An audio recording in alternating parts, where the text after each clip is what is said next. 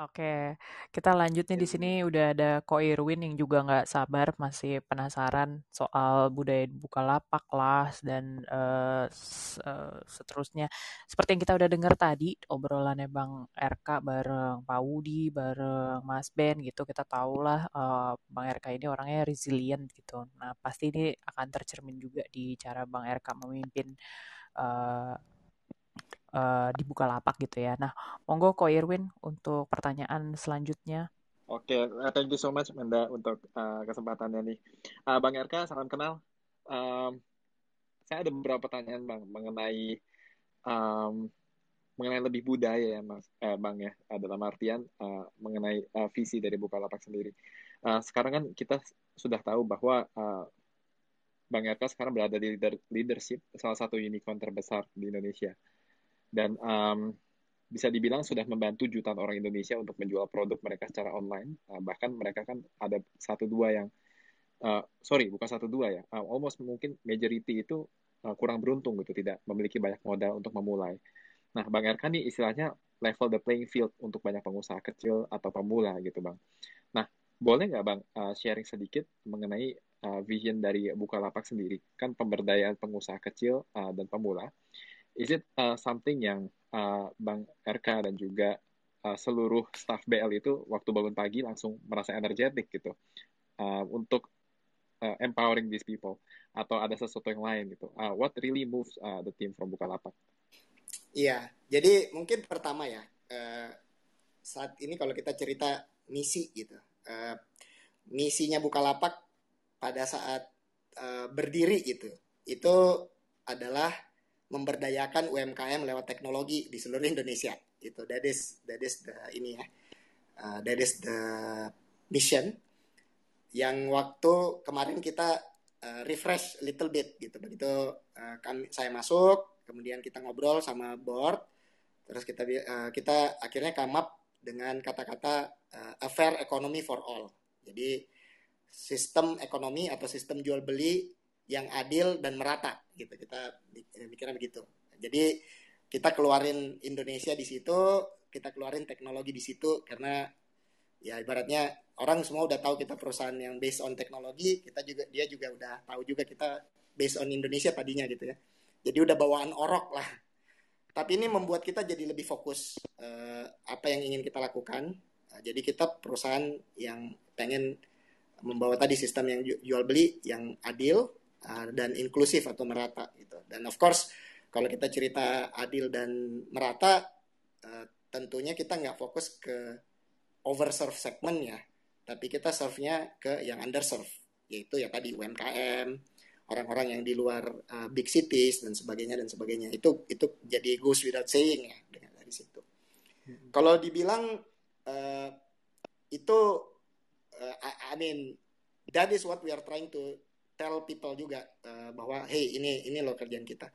Memang memang nggak semua uh, orang di Bukalapak itu punya privilege uh, untuk mikir secara high level gitu ya.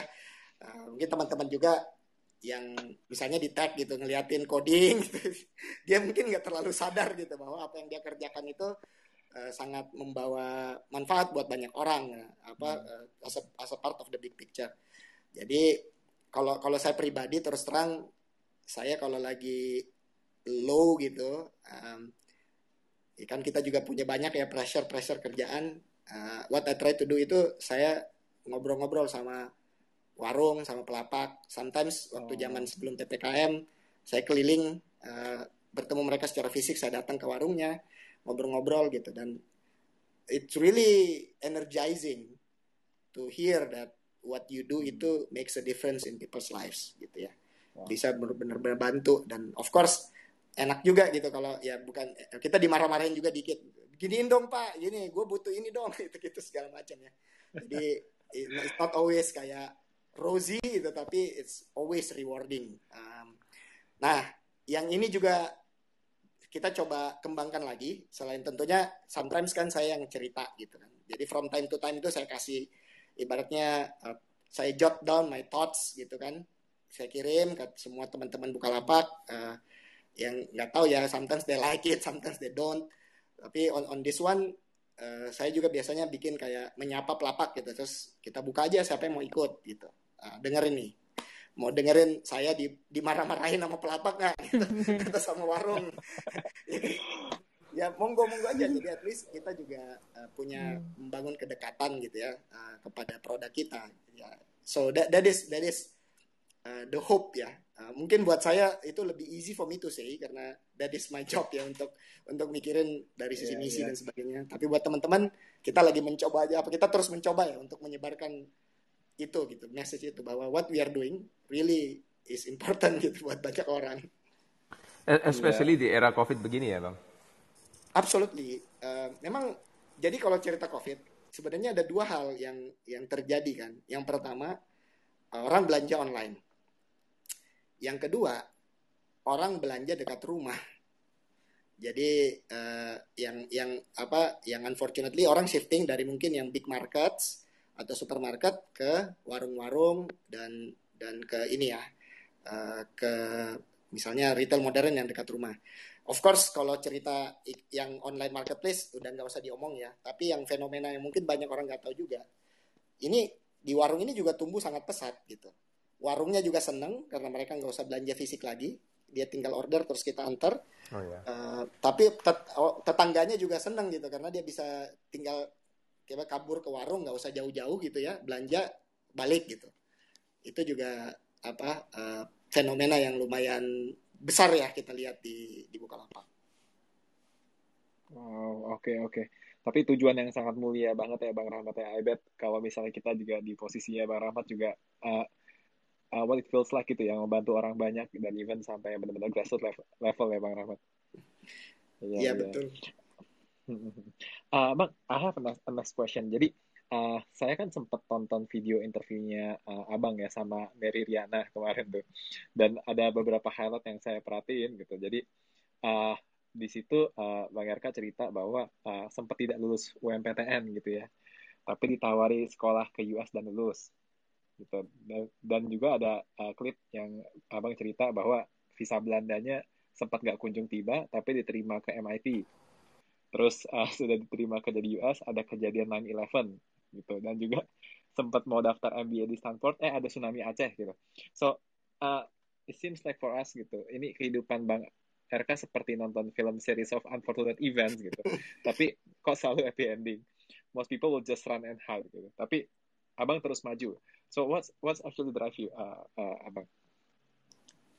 Ya apa ya? Jadi mungkin buat saya sih ya of course uh, saya ngelihatnya apa yang terjadi itu memang it's it's uh, apa it's quite easy looking back ya. Uh, kata katanya siapa? Hmm. uh, Steve Jobs. Hidup itu kan oh. nanti you you after a while you look back and you connect the dots gitu ya. Jadi buat buat saya sih sebenarnya pada saat menghadapi ke apa ya masalah-masalah itu ya of course uh, mungkin saya pernah down pernah unhappy dan sebagainya. Tapi one thing yang yang saya tahu gitu adalah saya punya keinginan gitu kan uh, untuk mungkin lebih baik lagi untuk belajar untuk melakukan apa pun lah ya gitu yang ini dan dan ya misalnya saya nggak lulus masih ada hari esok gitu. Selama hmm. apa nyawa masih di kandung badan gitu. Ya ya udah gitu. Mungkin saya disuruh nunggu kali gitu. Mungkin saya disuruh belajar lebih banyak lagi gitu atau apa pun gitu kan. Hmm. So uh, I think ya yeah, I have I have something in mind yang I want to achieve. Saya coba kejar. Not everything yang saya mau itu saya dapat gitu, tapi for the most part, kalaupun nggak dapat, saya pengen puas gitu untuk ibaratnya I, I give it my best shot gitu. Jadi tapi kalau nggak nggak lulus UMPTN waktu itu masuk kampus impian di Indonesia gitu akan lebih mudah nggak bang untuk masuk uh, berkarir di Indonesia? Kalau kalau lulus UMPTN? Ya, kalau lulus UMPTN. Nah, kalau saya lulus UMPTN, mungkin saya nggak saya nggak kebayang hidup saya jadi kayak begini gitu kan. Uh, ya saya punya banyak teman kan yang dari SMA saya masuk ke kampus yang saya idamkan. Mungkin unfortunately mereka juga misalnya uh, bukan unfortunately sih mereka juga happy juga sih cuma beda gitu ya jalurnya dengan yang yang saya punya tapi ya yang nggak tahu sih. Uh, I think I think that is tapi buat saya yang saya syukuri satu. Eh, kejadian nggak lulus UMPTN itu buat saya satu hal ya. Karena ada time uh, ini very embarrassing for me to say gitu. Uh, saya itu waktu itu memang sangat-sangat arogan lah bisa dibilang. Um, saya merasa pinter gitu karena saya dulu juara juara kelas gitu di salah satu SMA top ceritanya gitu saya wakil Indonesia dan saya merasa UMPTN itu hanya hanya ini aja formalitas gitu. Pasti saya masuk gitu kan. Saya pikir seperti itu. Nah, ternyata Tuhan itu udah ngasih tahu saya sejak saya umur 18 hey do nggak usah mau melewati takdir gitu kan. Lu jangan jangan songong gitu. Udah gitu. Nih I'll show you my power gitu kan. Lu nggak lulus. Karena karena saya inget banget tesnya itu saya bawa pulang UMPTN itu kan boleh bawa pulang dulu soalnya itu. Dan saya saya uh, cek jawaban saya. Dan saya yakin with ada time 100% confidence bahwa saya pasti masuk. Ya, waktu itu. Hmm. cuma ya kan UMPTN itu lulus apa enggak kan? Nggak dapat skor kan? Gitu ya udah gitu. Jadi ya things happen uh, seperti itu dan itu ada power yang di luar uh, kemauan kita. Dan ya I have to basically satu tahun harus menunggu harus belajar sampai saya dapat kesempatan untuk untuk sekolah. Dan saya bersyukur banget dapat kesempatan itu ter, apa quote in quote ya lebih baik gitu mungkin ya. Ya nggak tahu lebih baik apa enggak tapi membawa hidup saya jadi jadi seperti ini gitu. Yang saya syukuri ya ya.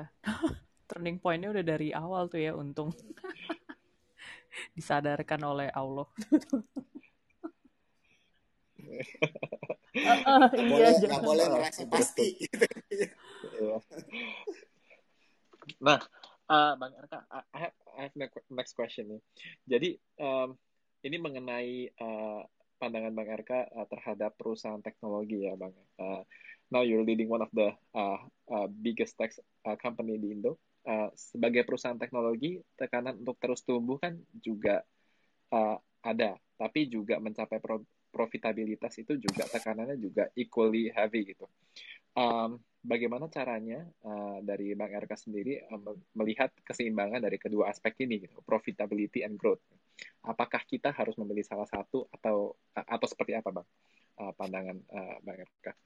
Iya, um, pandangan saya pribadi sih kita harus tumbuh secara berkualitas ya, secara sustainable gitu. Jadi uh, pertumbuhan yang ya apa ya I think kalau misalnya tumbuh aja tanpa jelas ini bakal uh, membawa bahwa ini suatu ketika akan membawa keuntungan gitu ya. Itu hmm. itu is a, is a questionable. Jadi ini yang terus terang kita lagi coba kerjakan di Bukalapak ya. Uh, bahwa kita bisa tumbuh tapi kita selalu mencoba memperbaiki uh, profitability position kita gitu ya. The, the past the past few years itu yang kita coba uh, lakukan gitu selalu ya. Jadi ya wajar lah ya ibaratnya um, pertumbuhan itu apa gitu. Um, kalau pohon kan tumbuh berarti ada batangnya, ada ada daunnya, nanti ada ada ini, uh, ada buahnya kan. Kalau hmm. cuman tambah tinggi terus gitu tapi nggak nggak berbuah ya percuma gitu nanti at some point. Jadi uh, ini sesuatu yang kita kita balancing. Uh, I think everyone juga uh, sepakat gitu ya. Maksudnya the, the fact that kita dapat support ya, dari investor dan sebagainya uh, that that story mungkin yang kita apa yang kita kerjakan juga resonates with with people uh, dan of course mungkin tiap orang beda-beda juga ya. Kita nggak bisa bisa bilang yang lain itu nggak benar atau apa tapi kalau dibuka lapak yang kita pengen coba lakukan and this is the reasons juga waktu itu sempat kita discuss sebelum saya masuk pun dengan pemegang saham uh, that is the what we want to do gitu ya. Jadi uh, grow grow sustainably uh, dan menuju path to profitability. Otherwise, to be honest, um, mungkin saya juga bingung gitu gimana caranya karena that is how I know about business ya. Um, sepertinya Bang Erka sudah menyampaikan nih Bang uh, pesan-pesan buat uh, investor. Uh, tapi ada nggak Bang pesan untuk uh, mitranya Bukalapak yang ingin di-share di Clubhouse kita kali ini dan juga uh, sekalian pesan pesan-pesan buat anak-anak muda yang ingin berkecimpung di dunia startup apakah startup itu seindah dan seromantis drakor uh, Korea gitu? Oke, kalau untuk mitra Bukalapak pertama I can say I love you guys.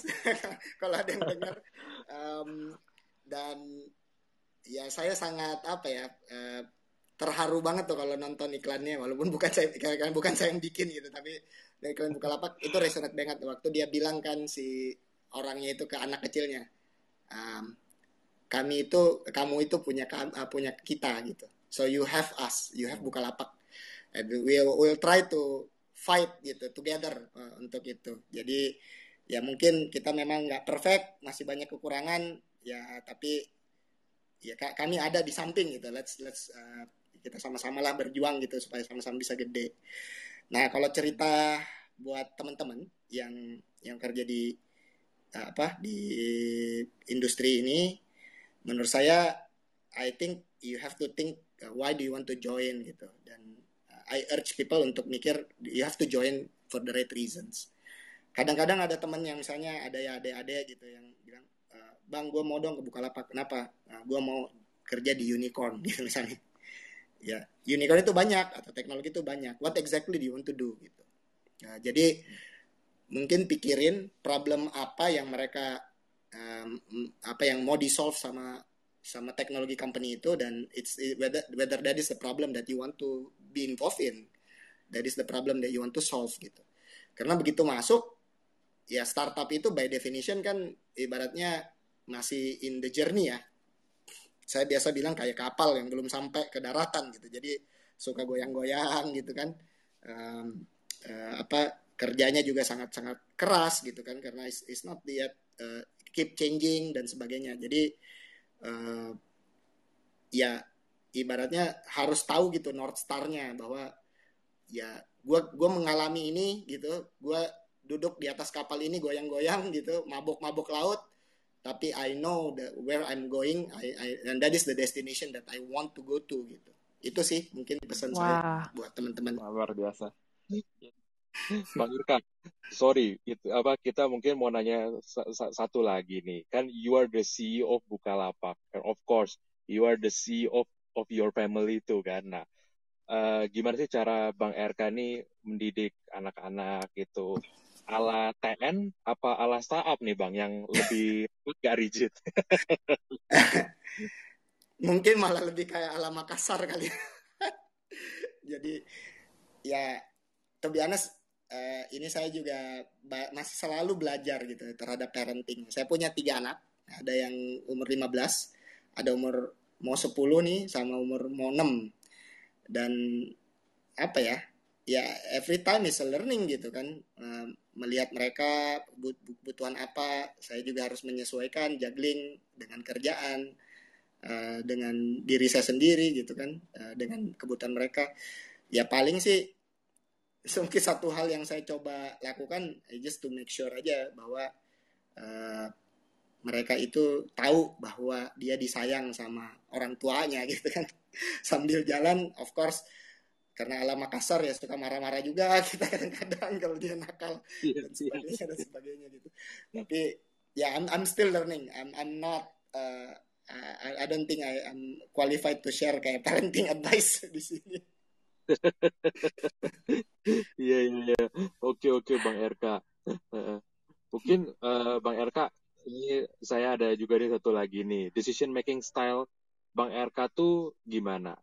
Apakah semua itu Bang RK apa Bang RK juga delegasiin ya? Oke, okay, I trust you so apa uh, Bang RK percaya untuk dia bikin keputusan gitu loh.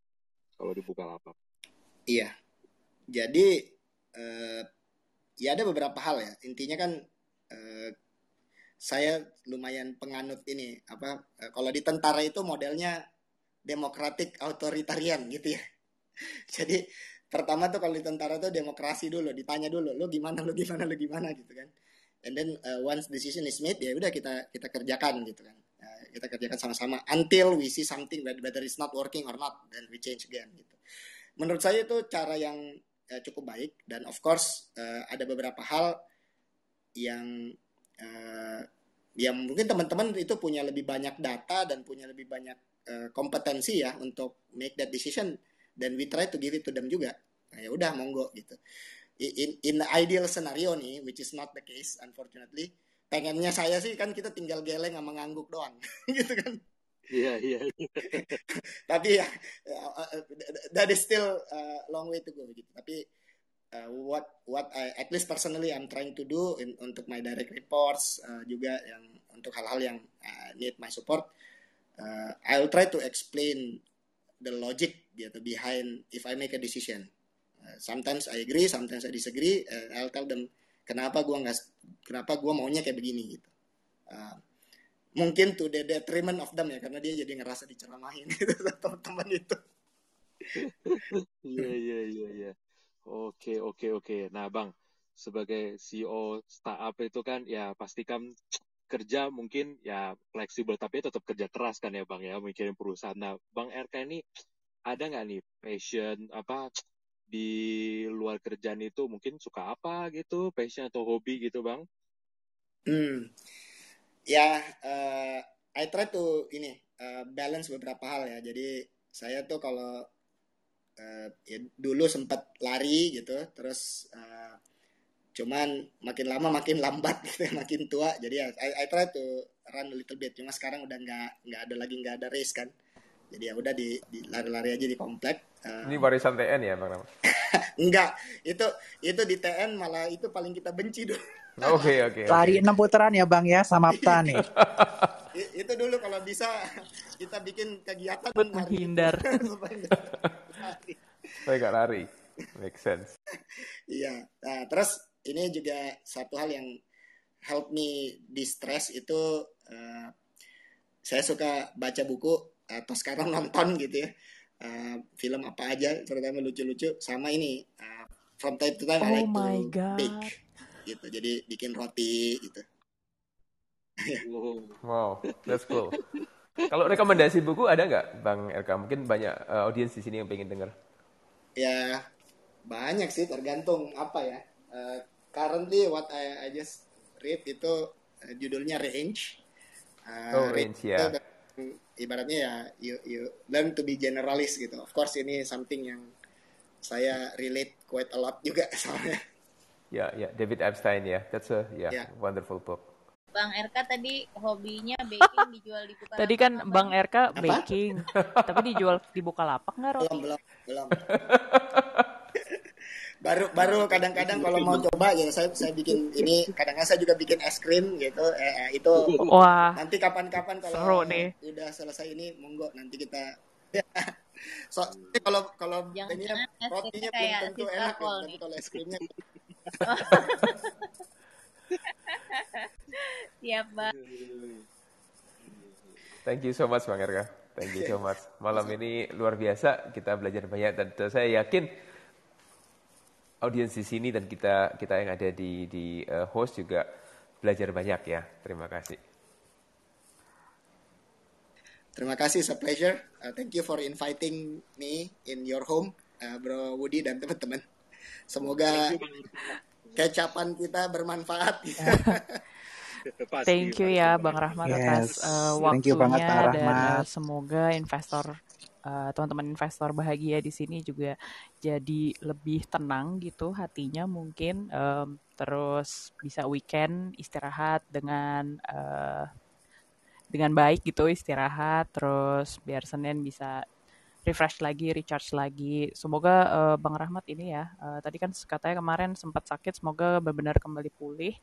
Thank you so much. Sekali lagi terima kasih untuk Bang RK, terus uh, teman-teman investor di sini, Mas Ben, Ko Billy, Ko Jason, Ko Irwin, uh, Cijes, uh, Kak Ori, dan Pak Wudi. Terima kasih banyak. Selamat istirahat ya semuanya. Terima kasih. Yay, terima kasih. Terima kasih. Good weekend. Thank you semua.